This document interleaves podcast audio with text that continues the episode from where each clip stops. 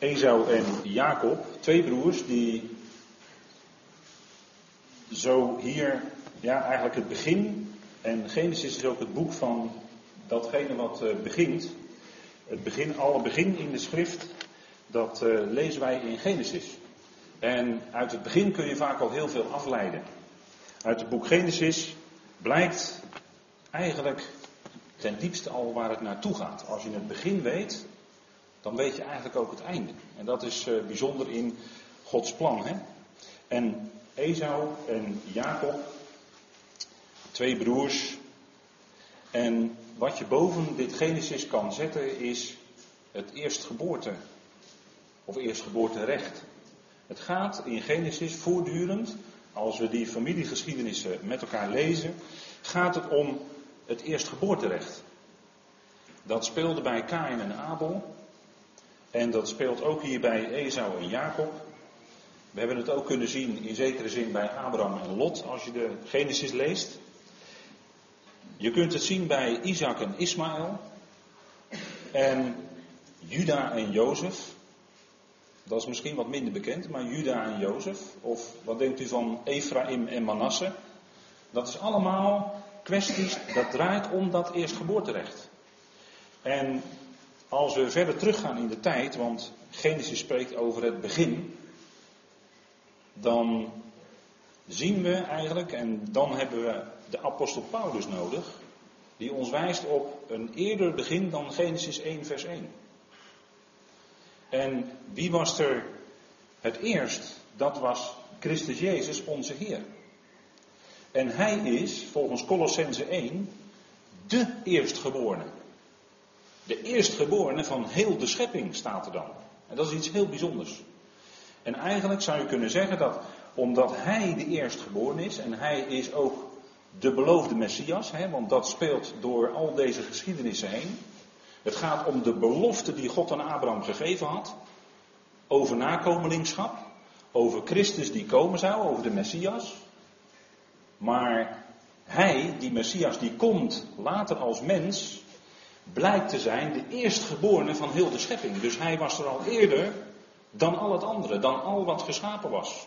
Want Paulus zegt in Colossense 1 dat in hem alles geschapen is. De zichtbare en de onzichtbare. En hij is dus de eerstgeborene. En als het gaat in Genesis over het eerstgeboorterecht, over wie de eerstgeborene is, dan is dat eigenlijk een weerspiegeling van de ware eerstgeborene, die ook beloofd was, want dat is de rode draad door al die geschiedenissen heen. Het gaat naar die Messias. Jezus, de Messias, die later zou komen. Het beloofde zaad aan Abraham. Dus dat moet u eigenlijk zien boven dat boek Genesis. Hè? Dan krijgt het ineens een enorme diepte. Want het gaat om die eerstgeborene. Het gaat eigenlijk om de eerstgeborene met een hoofdletter. Dat is wat de schrift in feite ademt. Hè? Maar hier gaat het over Esau en Jacob. Twee broers, twee broeders. En als we kijken naar de structuur van het boek Genesis, dan is dat een bijzondere. En dat draait om het woord. Um, ja, dat wordt soms vertaald met dit zijn de afstammelingen van, of dit zijn de geboorten, of dit is de geschiedenis van. Maar dat is een uitdrukking die we regelmatig in het boek Genesis tegenkomen. En dat geeft eigenlijk de structuur aan het hele boek. En vandaar dat dit gedeelte in vers 19 dan ook begint met dit zijn de geboorten van Isaac. Of beter gezegd, dit zijn de verwekkingen van Isaac. En Isaac is de zoon van Abraham. Abraham verwekte Isaac. En daar speelt natuurlijk die hele kwestie van die belofte. En we zien eigenlijk dat het gaat, ja, het gaat om Abraham, het gaat om mensen. Maar ten diepste gaat het om de God van Abraham. En het bijzondere is dat wij de God van de Bijbel kennen als de God van Israël. Zo wordt hij vaak genoemd en terecht. Maar hij is de God van Abraham, Isaac en Jacob. Dus hij verbindt zich aan die drie aartsvaders, waaruit een hele geschiedenis eh, naar voren komt. Hè. Dan gaat het natuurlijk om de geschiedenis van het volk Israël. Dat zo'n belangrijke rol speelt ten opzichte van de andere volkeren. Dat is eigenlijk ook wat hier doorheen speelt. En als je kijkt bij Abraham, dan komt daar sterk naar voren geloof. Geloof in die belofte die God gegeven had. Dat zijn nakomelingen zouden zijn tot zegen van de volkeren. En Isaac, boven het leven van Isaac zou je kunnen zetten, dat is de belofte, dat is de beloofde zoon. Degene die komen zou, die beloofd was aan Abraham en Sarah. Maar wat hadden die een moeite ermee om te wachten? En Abraham was een gelovige. Maar dan zie je ook weer de menselijke zwakte bij een Abraham. Hij moest maar liefst 25 jaar wachten totdat die belofte vervuld werd. Uiteindelijk was hij 100 jaar en toen werd Isaac geboren. Maar God maakte zijn belofte waar. Uiteindelijk stelde hij het geloof van Abraham niet teleur. En Abraham is voor ons een geweldig voorbeeld, want Abraham geloofde die God, die dat wat er nog niet is, tot aan zijn roept. Dat wat er nog niet is, maakt God bekend. Dat wat er nog niet geworden was, maakt God concreet. Door uiteindelijk die beloofde zoon Isaac te geven. En Isaac is ook een gelovige. Alleen van Isaac, die staat wat minder. Hè, Abraham, een geweldig leven, wordt heel veel over verteld in de schrift. Maar wat weten we eigenlijk over Isaac? Eigenlijk niet zoveel. En deze geschiedenis gaat ook over Isaac en zijn geloof. Want Isaac was ook een gelovige. Hij was de zoon van de belofte. En als het gaat om Jacob, dan zou je boven zijn leven kunnen zetten, dat is Gods keuze. En dat maakt deze geschiedenis bijzonder. God kiest Jacob. En we zullen daar nog wel iets meer van gaan zien. Dit zijn de verwekkingen van Isaac, staat er dan. Hè? En Abraham is de vader van een menigte, dat betekent zijn naam. En Abraham geloofde in de God die de doden opwekt. En zo bond hij Isaac op het altaar. In het geloof, in het diepe vertrouwen dat God bij machten was zijn zoon ook uit de doden op te wekken. En bij wijze van spreken heeft hij hem ook daaruit teruggekregen. En deze fase in het leven van Abraham was eigenlijk, zou je kunnen zeggen, het leven in de opstanding. Want toen Isaac geboren werd, was dat eigenlijk, toen bij zijn geboorte al, was dat eigenlijk een opstanding uit de doden. Dan moet u Romeinen 4 maar eens op nalezen wat Paulus daarvan schrijft. Hij was gestorven, hij kon eigenlijk naar de, naar de natuurlijke gang van zaken kon hij geen kinderen meer verwekken. Sarah niet, kon geen kinderen meer krijgen. En juist op dat moment, en dat is het geweldige wat God doet, op dat moment geeft God dat wat hij beloofd heeft. En dat is leven uit de doden. Zo schrijft Paulus erover hè, in Romeinen 4. En God maakte dat geloof van Abraham niet beschaamd. Hij vervult zijn belofte. Gods werken is sterker dan dat wat de mens voor ogen ziet. Abraham en Sarah, ze gingen twijfelen. En in hun leven, ook al waren het gelovigen, gingen ze toch eigenlijk hun, probeerden ze de dingen naar hun hand te zetten. Haga, Ismaël. En dan heb je ook weer die strijd tussen broeders. Hè? Ismaël en Isaac. Strijd tussen broeders. Dat heb je vandaag aan de dag nog steeds. Kijkt u maar in de wereld. Hoe het gaat. Israël. Dat kleine landje. Het is elke dag voorpagina nieuws. En ze worden omringd door, eigenlijk door Ismaël. Dan heb je die oude tegenstelling weer tussen Isaac en Ismaël. Broederstrijd. En dat zien we ook bij uh, Jacob en Esau. Maar Isaac is degene die doet lachen. Dat zegt zijn naam. En dat is het lachen van het geloof. Dat is het lachen van verwondering. Verwondering. Verwondering over wat God doet. En dat zit eigenlijk ook in het thema van dit jaar. Hè? David sprak zijn verwondering uit in Psalm 139. Over die God in wiens hand zijn leven is. Dat, dat was David zich bewust. En David kende zo heel wat ups en downs. Maar er staat zo heel mooi in Psalm 139, ik vind dat indrukwekkend dat dat daar staat. U legt uw handpalm op mij. Dat is de kaf. dat is de letter kaf in het Hebreeuws. Dat is de handpalm. Dat is de bewegende, de werkende, de open hand van God. De hand die handelt. De hand die zegt, ik sta open voor je. Ik ben bij jouw leven betrokken. Ik ken je. Dat is ook wat, wat zo bijzonder in die versen van Psalm 139 naar voren komt. Hij kent je. Hij kende Jacobs hart. Hij kende Esaus hart. Hij kent uw hart.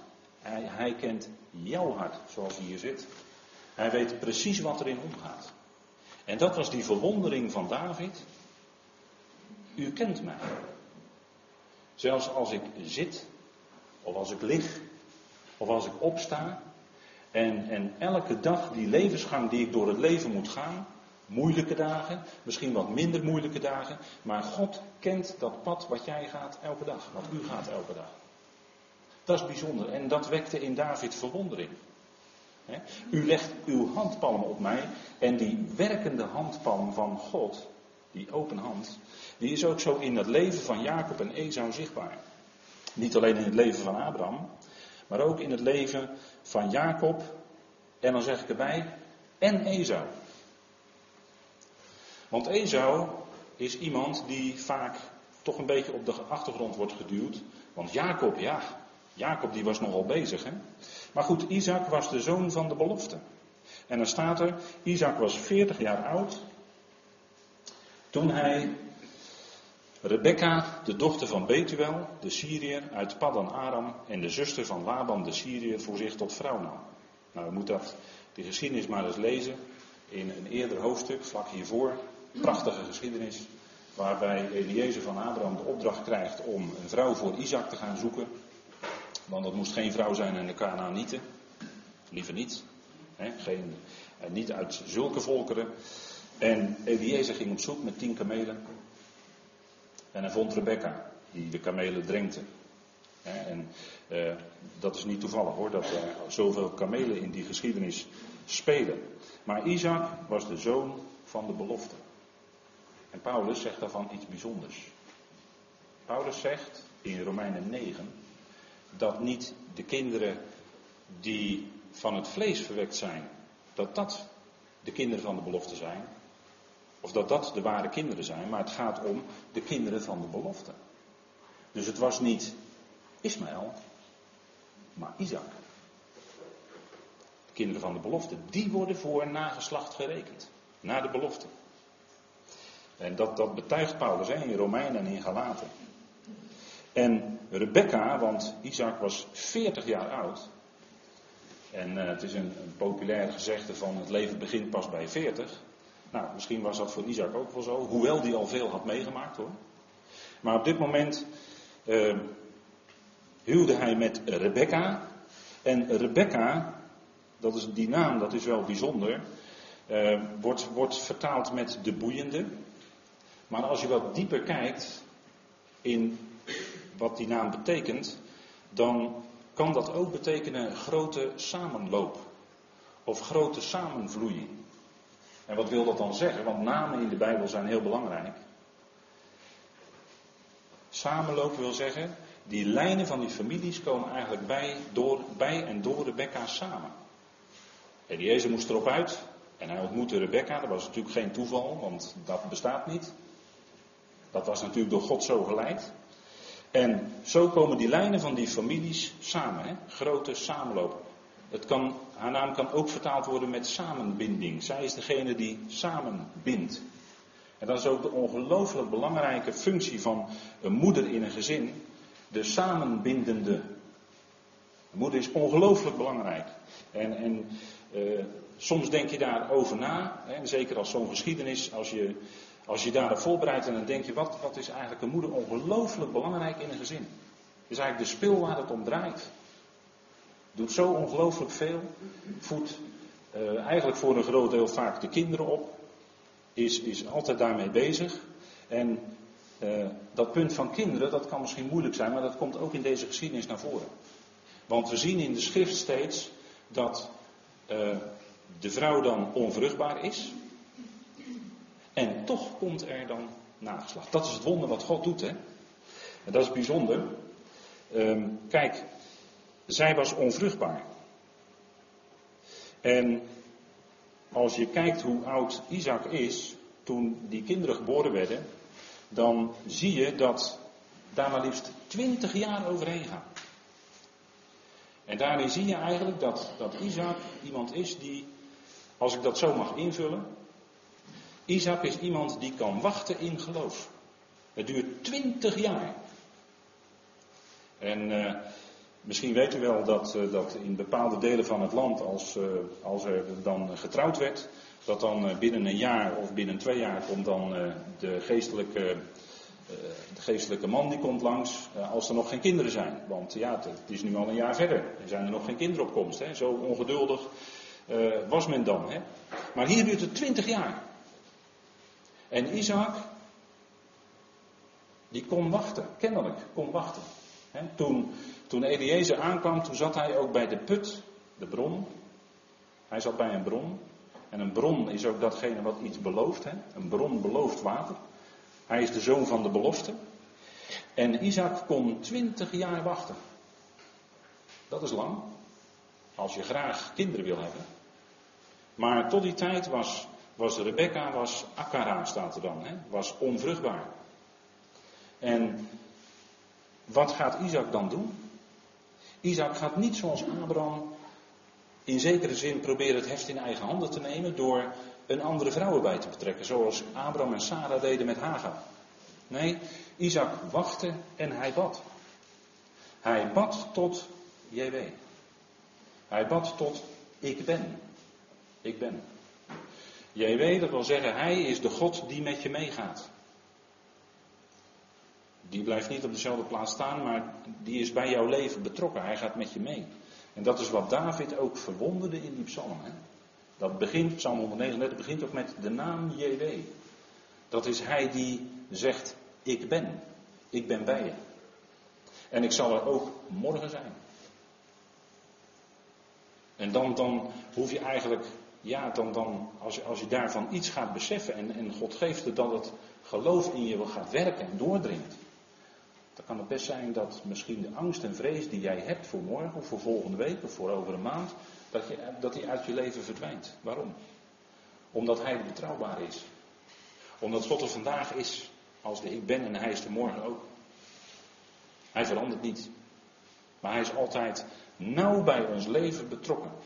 En wat deed Isaac? Hij bad JW voor zijn vrouw. En dat is toch wel bijzonder. Dat hij als man bidt voor zijn vrouw. Dat is iets wat, denk ik, voor ons een goede notitie is. bidden we voor elkaar, als we in huwelijk aan elkaar gegeven zijn, bidden we dan voor elkaar. Ik denk dat dat heel belangrijk is. Want gebed is iets bijzonders wat God aan ons gegeven heeft. Want gebed is er dan niet op uit om die ander te willen veranderen. Maar als je bidt voor die ander, verander jij zelf ten opzichte van die ander. Dat is het geheim eigenlijk van gebed. Als je voor een ander bidt. En Isaac bad voor zijn vrouw, want zij was onvruchtbaar. En dan zie je het wonder gebeuren, wat ook bij Abraham en Sarah gebeurde. En wat later ook weer vele keren herhaald zal worden. Denk maar aan, als u kijkt in de Griekse schrift. Elisabeth was ook al oud geworden en zij was ook onvruchtbaar. En ongelooflijk. Maar als je de schriften kent, dan weet je eigenlijk al dat God iets gaat doen. Voor God is juist dat onvruchtbare de mogelijkheid om te laten zien dat Hij het is, dat Hij het is, die toch nakomelingen geeft. En dat is het bijzondere van hoe God in het leven hier werkt. Hè? Hij bad.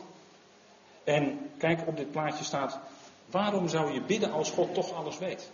Nou, de schrift zegt simpelweg dat God gebeden wil zijn. God is uit op die relatie met ons. God is niet ver weg, afstandelijk, onzichtbaar. Nee, hij is betrokken bij ons leven. Hij is uit op die relatie met ons. En, en gaandeweg ga je ontdekken dat als je bidt en je ziet wat God doet, dat je steeds meer gaat danken. En, en dat is bijzonder dat, dat wij eigenlijk alles met God kunnen bespreken. En, en de notitie die Paulus daarbij legt, is dat wij alles met gebed en smeekbeden. Want het woord wat hier staat voor bidden is eigenlijk meer smeken. Daar zit iets heel intens in. Isaac bad intens voor zijn vrouw, zou je kunnen zeggen. En, en God gaf op zijn tijd, God gaf op zijn tijd, want als wij bidden om iets, dan kan het best zijn dat God het niet geeft. En dat is dan het beste. En het kan ook zijn dat God het wel geeft, maar dan op zijn tijd. En voor ons is het moeilijk om te wachten. Wij zijn vaak van die ongeduldige mensen. Wij willen vandaag bidden en we willen dan morgen geregeld hebben. Maar zo is het niet. Isaac moest twintig jaar wachten. Dat is wachten in geloof, hè, wat hij deed. Hij handelde niet, er staat heel weinig over die twintig jaar vermeld. En Isaac geloofde en hij bad op de beloften die God gegeven had. Want denk erom dat vader Abraham en moeder Sarah hem verteld zullen hebben over die belofte en dat hij de zoon van de belofte was. Hij had op het altaar gelegen. Abraham had hem gebonden op het altaar. Wat denkt u daarvan? Wat het dan met je doet als je zoiets overkomt? En toen zei Abraham, de Heer zal voorzien. De Heer zal voorzien. En zo is het ook hier in dit leven van Isaac. De Heer zal voorzien. Dat is in de Bijbel JW Jireh. Hij zal zien, hij zal voorzien in wat nodig is. En hij gaf hier op het juiste moment, ja, op zijn belofte. Want de belofte van God, dat zijn geen loze woorden hoor. Dat zijn woorden die hij zal vervullen. En dan raakt Rebecca zwanger. En dat moet een geweldige vreugde, dat heeft Isaac natuurlijk aan het lachen gebracht, dat kan niet anders. En Rebecca ook. En een geweldige vreugde. Ze raakte zwanger en notabene nog een tweeling ook. En wat gebeurt er dan? Ze stoten in haar tegen elkaar. En dat heeft haar verwonderd. Zij voelde iets. En dat heeft haar verwonderd. Wat zou dat zijn? Waarom heb ik dit? Die verwondering bij Rebecca. En ze ging onderzoeken bij JW, staat er dan. Er staat het woord onderzoeken. Daar zou je eigenlijk uw vertaling eh, op aan moeten passen, want dat is wat ze ging doen. Zij ging onderzoeken bij hem, bij die grote God. Die zij zo heel concreet in hun leven leerde kennen. Doordat hij zijn belofte waarmaakte. En dat geldt ook voor ons. Hij zal al zijn beloften waarmaken. Misschien denkt u wel van, ja, er zijn beloften en wanneer maakt God het nou waar dat, dat, wij, de Heer, dat wij de Heer gaan ontmoeten in de lucht? Wanneer maakt hij dat nou waar? Nou, God neemt de tijd. God neemt de tijd. Isaac was pas 60 toen hij deze tweeling kreeg. En hij werd uiteindelijk 180. Dus dan had hij nog twee keer zo lang te gaan. En maakte alles mee wat zijn zoons deden. Maar wat deed Rebecca? Zij vroeg zich af, wat zou dit zijn? En zij ging onderzoeken bij het juiste adres, bij God. Zij ging na bij de Heer. En toen kwam ook antwoord in die zoons. Hè? Toen kwam antwoord van God. En Jawel zei tegen haar, er zijn twee naties in jouw buik en twee volken zullen zich uit jouw ingewanden verdelen. Want het Hebreeuws kent geen woord voor lichaam, maar het spreekt steeds over ingewanden. En het ene volk zal sterker zijn dan het andere. En de meerdere zal de mindere dienen. Hé, hey, dat is bijzonder. Dat is bijzonder. God zegt eigenlijk van tevoren, voordat deze kinderen geboren waren, dat de meerdere de mindere zal dienen. Dus hij gaf al aan, degene die het eerst geboren zal worden, die zal de tweede moeten dienen. En dat is ook, eigenlijk zit hierin al profetisch hoe het zal gaan. De meerdere, Esau, Edom, Edomitische volkeren zullen de mindere, Jacob, dienen. En Edom, hè, koninkrijk Edom zit hier op het kaartje. Nou, dat Esau wordt later ook Edom genoemd. Maar Gods plan wordt hier bekendgemaakt, zowel voor de mens, voor die persoonlijke levens van Esau en Jacob. En dat, kreeg, dat kregen Rebecca en Jacob dan mee, of Rebecca en Isaac, pardon. Die kregen dat mee voordat de kinderen geboren waren. De meerdere of de sterkere zal de mindere dienen. En dat is eigenlijk wel een principe. Hè? De sterkere is er eigenlijk ten dienste van de mindere. En dat zou je ook kunnen doortrekken naar die eerstgeborene. Degene die later echt de eerstgeborene is, die is er eigenlijk ook om de ander te dienen. Dat is een belangrijk principe. Want zo is het ook bij onze Heer. Ten opzichte van ons. Maar hier zou Jacob het eerstgeboorterecht krijgen. En Paulus, die, uh, Paulus die gaat daarop in, in Romeinen 9. En dan haalt hij er ook bij aan dat God Jacob lief heeft.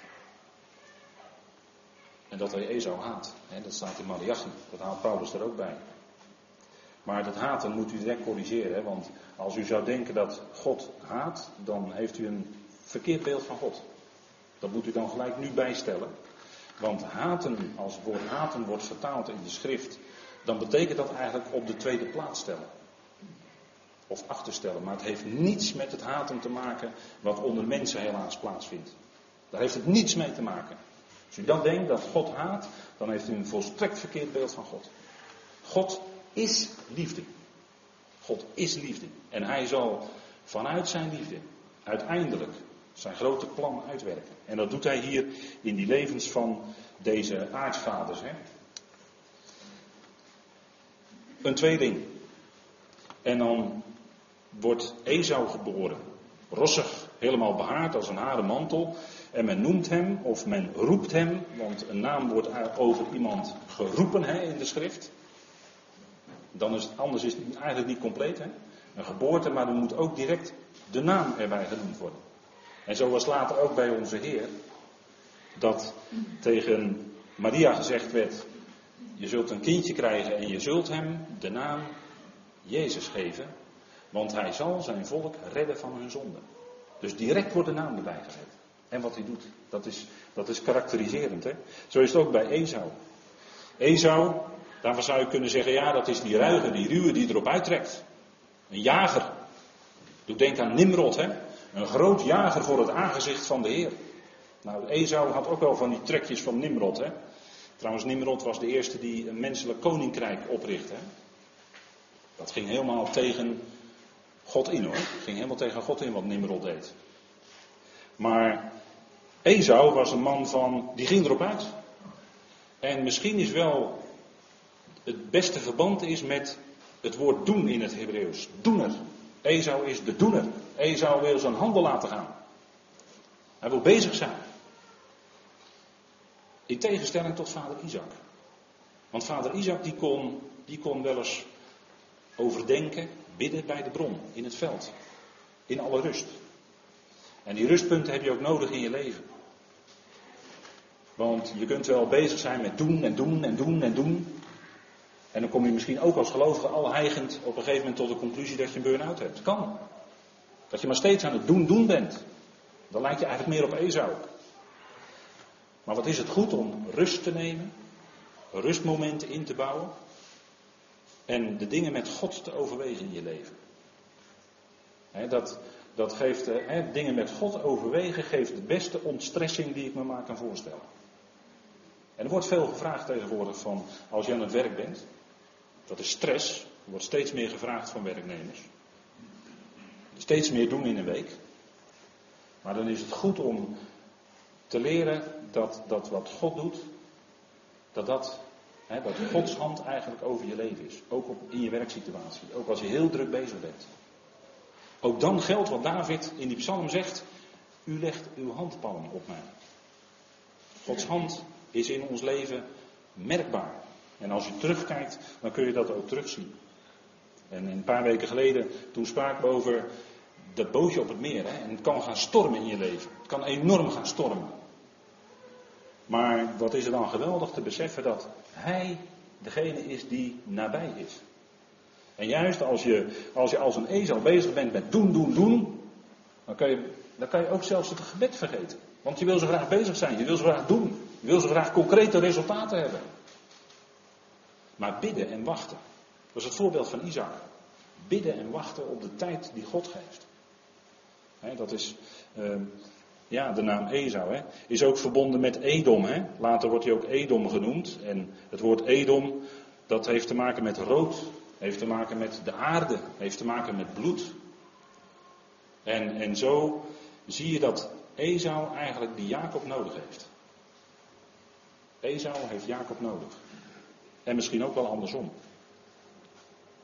Want het zijn twee broeders. En die, zitten allebei, die worden allebei geboren in hetzelfde gezin. Ja, daar kan je niet, eh, kan je niet van losbreken. Je kan niet zeggen, nou die broer of die broeder staat me niet aan. Ik breek, ik breek daarvan los of ik breek uit dat gezin. En ik ga in wuppie verder. Dat gaat niet. Twee broers aan elkaar gegeven. En wat is nou het bijzondere? Toen Jacob geboren werd, hield hij de hiel van zijn broer vast. En helaas verbinden wij aan de naam Jacob dat hij bedrieger is. Maar dat, eigenlijk is het veel meer dat hij vasthouder is. Het woord hiel en het woord Jacob zit ook heel dicht bij elkaar. En het woord Jacob en bedrieger zit inderdaad ook heel dicht bij elkaar. Maar ook vasthouden. Jacob is de vasthouder. Dat bleek bij zijn geboorte. Hij hield de hiel van zijn broeder vast. Hij hield zijn broeder vast. En uiteindelijk is dat ook die, die, die, toch die draad in hun leven, ondanks dat ze merkwaardig genoeg ook twintig jaar, daar heb je die twintig jaar weer. Maar ik weet daarvan niet de betekenis, maar Jacob ontvlucht Esau en na twintig jaar komt hij weer terug. Ook twintig jaar, en net de tijd dat Isaac moest wachten. En misschien was dat ook wel juist de tijd die God met Jacob nodig had. In uh, Syrië, Padanaram, bij, bij oom Laban, hè, waar allerlei dingen gebeurden. Maar dan komen ze terug bij elkaar, toch. Toch, hè. Toch komen die twee broeders bij elkaar terug. En dat is eigenlijk heel mooi. Jacob hield zijn broeder vast. En daarom kon Esau, Esau die kon eigenlijk niet zonder Jacob. En Jacob kon eigenlijk ook niet zonder Esau. En, en dat is in de wereldgeschiedenis nog steeds zo. Uiteindelijk, hè, want Edom, daar wordt wel eens van gezegd, ja, Edom dat staat eigenlijk voor de volkeren. Hè? In, in, de tijd van de Heer zagen de, de Joodse schriftgeleerden zagen de, Romeinse, de Romeinen ook als, als Edom. Hè? En ze, hadden het dan ook, ze hebben het dan ook wel eens over de Edomitische ballingschap. Maar Edom staat zeggen ze dan ook wel voor de volkeren. Maar de volkeren kunnen niet zonder Jacob, kunnen niet zonder Israël. En Israël kan ook niet zonder die volkeren, want zij zijn de eerstgeborenen. Zij zijn nu eenmaal de eerstgeborenen ten opzichte van die volkeren. En die eerstgeborenen, dat is toch wel bijzonder, want de Heer is voor ons de eerstgeborene. Hij is de eerstgeborene onder veel broeders. En wat doet hij dan? Daar hebben we twee weken geleden ook aan gedacht. Wat doet hij dan als eerstgeborene? Hij bidt voor ons. Hij pleit voor ons. Ik zit nu in Romeinen 8. Dat is toch een heel bijzonder hoofdstuk. Wat denk ik toch heel erg hoort bij ons jaarthema. Romeinen 8. Hij hoort en hij hoort ons zuchten wat wij doen. En misschien ons zuchten wel dat we toch zo moeilijk hebben met die broeder, met die broeders, met die anderen. Dat zuchten kent hij. Maar hij is de eerstgeborene en hij komt voor ons op bij vader. Hij pleit voor ons. Staat allemaal in Romeinen 8. Hè? Wij weten vaak niet wat wij zouden bidden naar wat moet zijn. Probleem voor ons gebed. Hè? Wat moet nou in die situatie gebeuren in mijn leven? dat vroeg Rebecca zich ook af. Wat is dit? Kinderen die stoten tegen elkaar in mijn buik. Wat, wat is dit? En ze krijgt antwoord.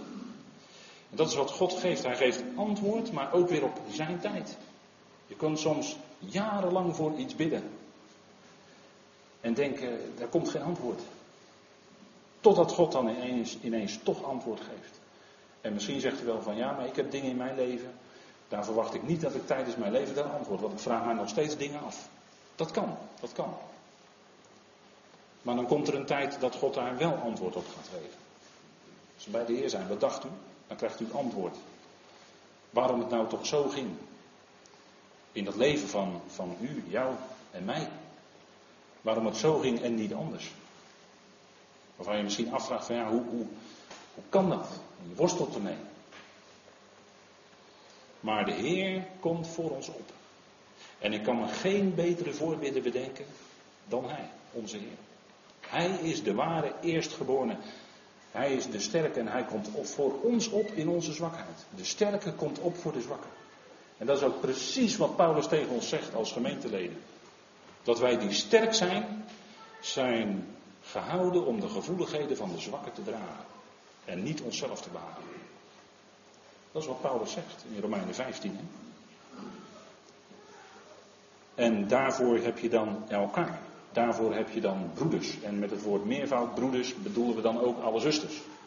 Dat is de hele gemeente. Als broeders heb je elkaar nodig. Je kunt eigenlijk niet zonder elkaar. God heeft je, zoals je bent, in de gemeente gezet. Als lid van het lichaam van Christus bedoel ik dan. Bij elkaar. En nu was Isaac 60 jaar bij hun geboorte. Toch heel bijzonder, hè? En Esau groeide op. Hij werd een man, een bekende jager, een man van het veld. En dat is de, degene die erop uittrekt, hè? de doener, op jacht. Op jacht. we kunnen vaak op jacht zijn in ons leven. Hè? Dat je denkt van, waar jaag je nou eigenlijk naar? Je bent zo druk bezig. Je bent zo aan het doen, doen, doen. Waar jaag je nou eigenlijk naar? Wat wil je nou? Waar gaat het je om in je leven? Waarom ben je nou zo druk bezig? Met dat ene? Is dat misschien om, omdat je op een of andere manier er graag bij wil horen? Dat zou zomaar kunnen. Op een of andere manier iets wil verwerven. Mensen die jagen soms een hele carrière na. Alleen maar voor status. maar, en dan heb je dan die status bereikt. En dan ben ik misschien heel nuchter en dan zeg ik en dan. En dan heb je die status bereikt. En dan. Wat heeft het je gekost? Heeft het misschien je geloof gekost? Heeft het je gebedsleven gekost? Heeft het je. Zo kan het al even doorgaan. Hè? Het kan vernietigend werken in, in je geloofsleven. Esau was een jager. Waar jaag je naar? Waar jaag je naar? En, en Paulus zegt waar wij dan naar kunnen jagen. Dat zegt hij tegen Timotheus, zijn kind in het geloof. Timotheus, jaag naar gerechtigheid. Jaag naar vrede. Dat zijn hele andere dingen. Inderdaad, daar kun je geen status aan ontlenen. Maar daar zouden wij naar kunnen jagen, zegt Paulus. Naar geloof. Wat bouwt je geloof? Wat is nuttig in ons leven? Dat is wat is tot opbouw van het lichaam van Christus. Dat betekent ook dat je jezelf opbouwt. Dat is ook tot opbouwen van jezelf dan als lid van het lichaam van Christus. Je geloof. Wat bouwt je geloof? hoe is het met het woord? Is dat dicht in de kast? Staat dat mooi in de kast? In een rijtje, tussen rijtje allemaal andere boeken? Dicht. En je hebt je oordopjes in, vaak wit hè. En wat komt er dan door die oordopjes naar binnen? Nou, ik, ik weet een hele goeie. Wat je tijdens fietsen of tijdens hardlopen naar binnen kan laten komen. Dan heb je dubbel nut. Het is A goed voor je lichamelijke conditie. En B het is goed voor je geestelijke conditie. En dan denk je misschien wel, ja, die lichamelijke oefening is tot weinig nut. Maar goed, als je het combineert met. Kan, is misschien een tip. Maar en dan van Jacob, dat werd gelezen. Hè? En, en Jacob was heel anders. Hè? Dan zie je weer die tegenstelling tussen die twee broers. Jacob was een huiselijk man, maar het staat er niet. Dat hebben de NBG-vertalers ervan gemaakt. Maar Jacob was, dan staat er eigenlijk een woord dat betekent gaaf. Of volkomen. Dat wordt ook van Noach gezegd. In Genesis 6, vers 9, moeten we maar eens nakijken. Gaaf. Jacob was een man uit één stuk. Gaaf. En denk erom dat hij die beloften had gehoord. Van uh, Isaac en Rebecca. Die hadden die belofte die ze hadden gehoord van Abraham en Sarah, hadden ze doorgegeven aan Jacob. En denk erom dat Jacob dat gehoord heeft. Jacob was een gelovige. Dan zeggen wij hem, ja maar hij trukte die en hij, hij, uh, hij uh, bedroog die. hij bedroog zijn broer wel twee keer maar liefst. twee keer zo'n slimmigheidje. En toch, wat zit er dan in, ten diepste in het hart van Jacob achter? En die daden die hij deed, ja, niet dat wij dat als voorbeeld nemen, om diezelfde trucjes te gaan uithalen, dat niet. Maar wat zat er nou diep in dat hart van Jacob? Daar zat geloof. Geloof in die belofte die God gegeven had. En daarom wil hij zo graag die zegen hebben van het eerstgeborene. van dat, dat eerstgeboorterecht wil hij zo graag hebben. En je ziet heel vaak dat, dat, dat, dat God zo wonderlijk werkt, Dat hij niet aan de grote, stoere sterk het geeft, maar juist aan degene die Jacob. En, en uh, ik moest denken in mijn voorbereiding aan die bekende psalm, hè, psalm 146. Gelukkig ben je als jij de God van Jacob tot je hulp hebt. De God van Jacob. Dat is de God die in je leven, ondanks misschien de kromme wegen die je gaat. En oh, oh, oh, wat ging Jacob kromme wegen. Daar kunnen we makkelijk achteraf commentaar op leveren natuurlijk. Hè, als we de Bijbel lezen. Oh, wat ging Jacob kromme wegen. Maar wat was uiteindelijk het einde van het verhaal? Dat God met hem was in het beloofde land. Dus God maakte zijn belofte waar. Ondanks dat kromme in Jacobs leven. En dat gebruikte God juist om Jacob te brengen op de plek waar hij moest zijn. En toen liep hij wel mank, uiteindelijk. Hè? Hij liep wel mank. En dat was wat in zijn leven gebeurd was.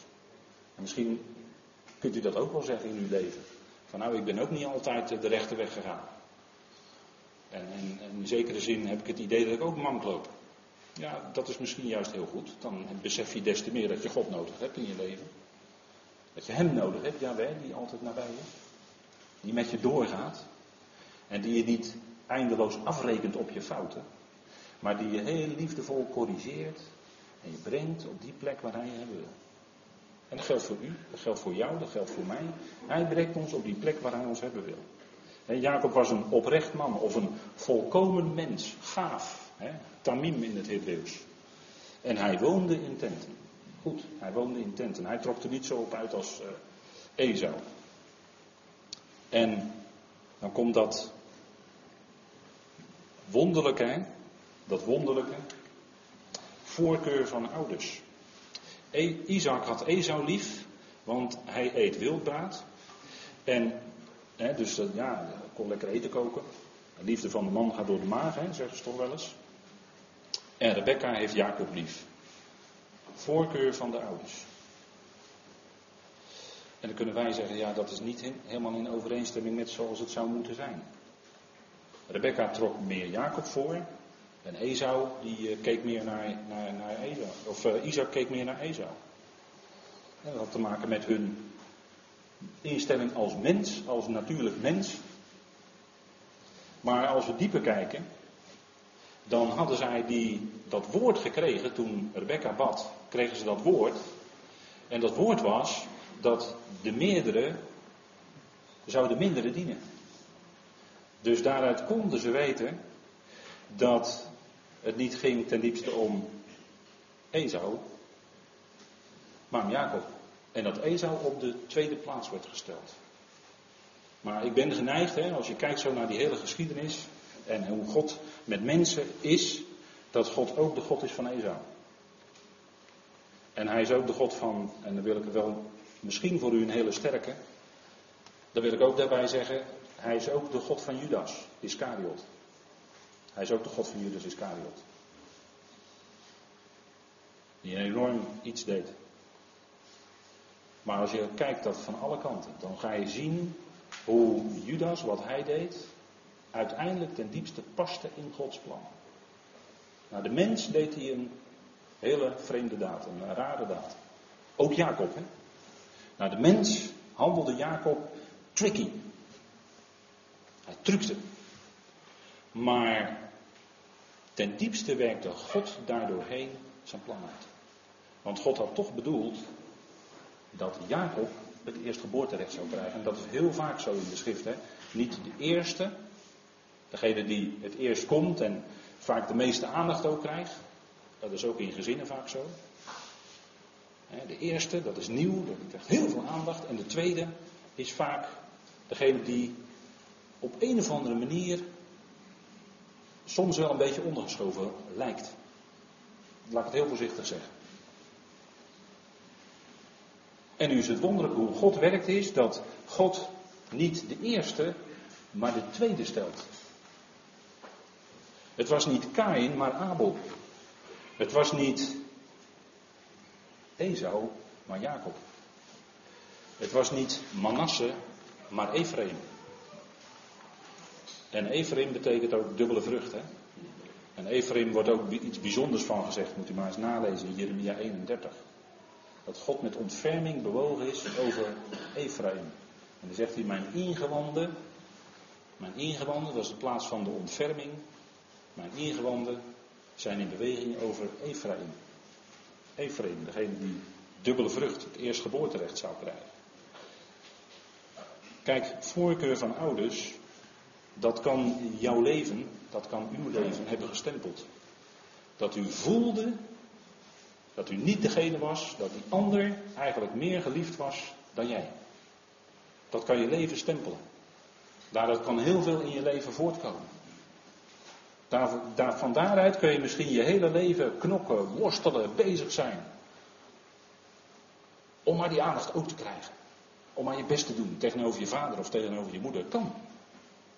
Maar het wonderlijke is, hoe God werkt is dat niet de eerste is het, maar de tweede.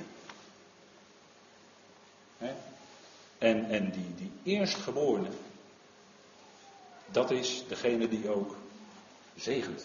Die de zegen ontvangt, maar ontvangt de zegen om tot zegen te kunnen zijn voor de ander.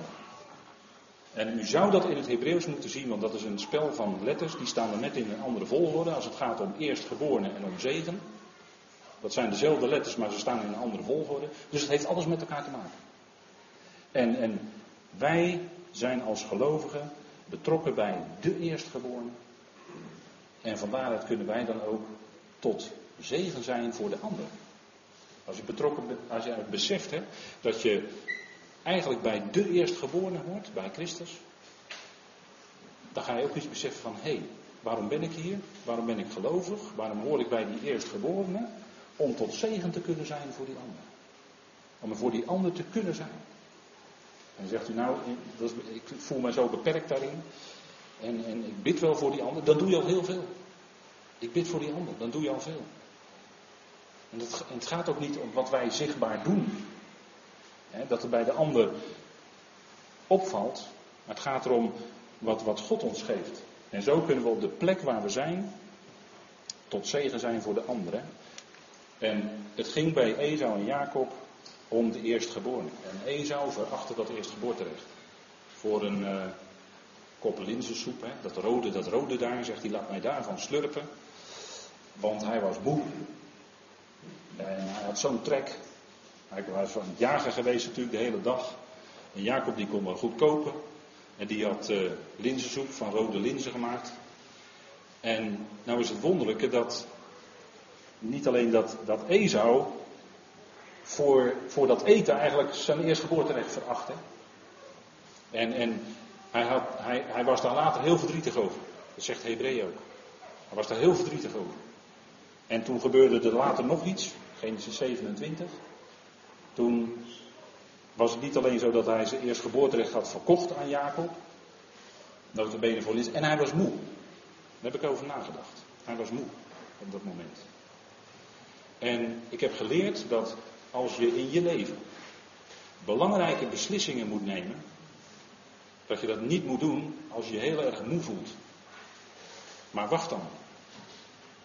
Want je kan misschien vanuit die gemoeds, hè, vanuit die stemming, dat je heel moe bent en je bent het helemaal zat. En, en hè, dat kan, hè, dat zeg ik zo omdat dat op allerlei manieren kan je dat invullen. Je bent het helemaal zat. Maar dan een beslissing nemen, wacht dan. Wacht dan. Bid en wacht.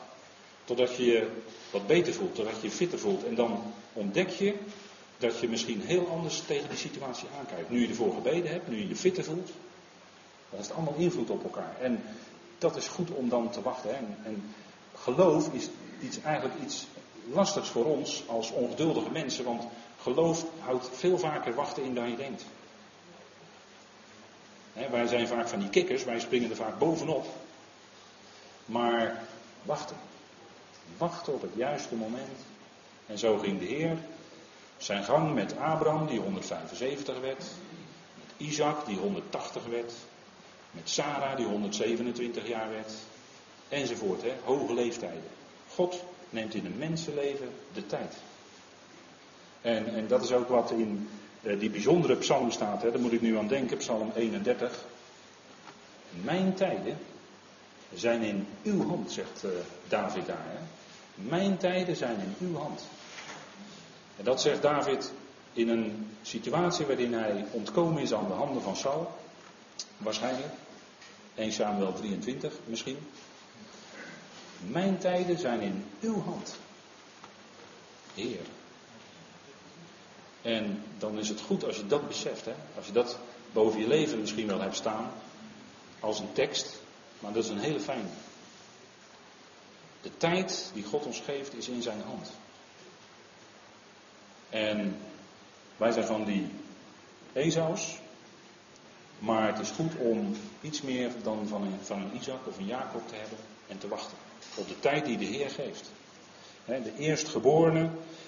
En Jacob wilde dat zo graag hebben, want hij wist dat daar zoveel belofte, hij wist dat er zoveel zegen aan zat van God. Daarom wilde hij dat hebben, dat was zijn diepste hart. Hij wilde dat van God ontvangen. En later toen, in Genesis 27 staat dat, toen Jacob ook weer een truc uithaalde en zo de zegen kreeg van vader Isaac. Toen zei vader Isaac, en waarschijnlijk heeft Isaac het dus wel geweten, de handen zijn van Esau, dat is de doener, hè, de handen, dat is, dat is een heel opmerkelijke uitspraak. En de stem is van Jacob. De stem is van Jacob. Moet je maar eens nalezen, Genesis 27. Dus Isaac wist het. En toch gaf hij aan Jacob het, de zegen. Toch. Waarom? Omdat Isaac een gelovige was. En op dat moment besefte, besefte dat Jacob het moest zijn. Het is de stem van Jacob. En daarom heeft Esau Jacob nodig. Want de stem, de stem van God, die komt door Jacob in de wereld. Wat is het nut van de Jood of van de besnijdenis, zegt Paulus in Romeinen 3. Nou, ten eerste dat hun de woorden van God zijn, aan, hen zijn de woorden van God toevertrouwd. De stem van God, die klinkt. En dat is doordat hij mensen van zijn volk Israël liet schrijven. Dat is de stem en daarom heeft, heeft Edom, hebben de volkeren die stem van Jacob nodig. Die volkeren die misschien heel bezig zijn met doen, doen, doen. Die, die misschien uh, allerlei dingen kunnen opbouwen. Geweldig, wat een bouwwerken kun je in de wereld zien. En dan bouwen ze daar weer een hogere toren. En dan gaan ze daar ergens in Azië weer een nog hogere toren bouwen. Dat is allemaal streven van de mensen. Allemaal doen, doen, doen. Dat doen de volkeren. Maar wat ze nodig hebben is de stem van Jacob. Want door Jacob heen klinkt de stem van God, klinkt het woord. En het woord is aan Israël toevertrouwd. En op zich heeft in die zin de besnijdenis wel nut. Maar dat is omdat God dat als een teken aan hen heeft gegeven. Maar zij, uh, ja, zij hadden dat woord van God toevertrouwd gekregen. Esau die werd later verbitterd. Dat is hoe het met de mens kan gaan. Hè? En daarom koestert hij onwil tegen Jacob en wil hem zelfs doden. we hebben ook wel eens e- heel even stilgestaan bij Kain en Abel. De eerste kinderen en het werd gelijk een broedermoord. Dat is wat, dat is wat. Maar Esau werd verbitterd om wat Jacob had gedaan. Hij voelde zich getrukt door Jacob aan alle kanten.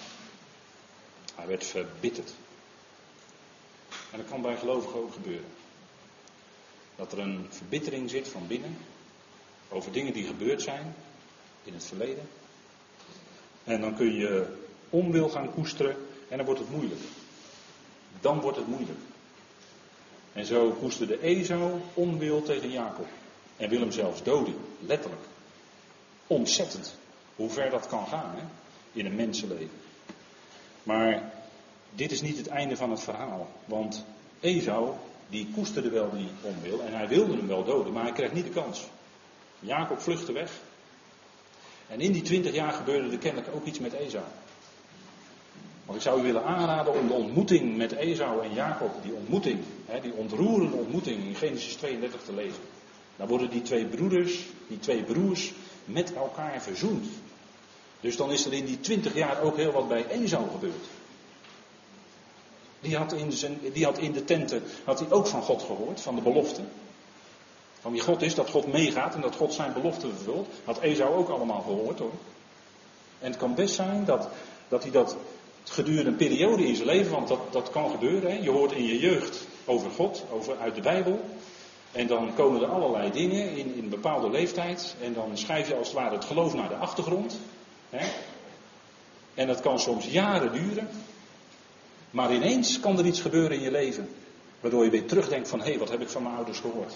Ik heb over God gehoord en nou wil ik meer van die God weten. En God heeft dan gewacht in jouw leven. Tot dat moment, tot het juiste moment.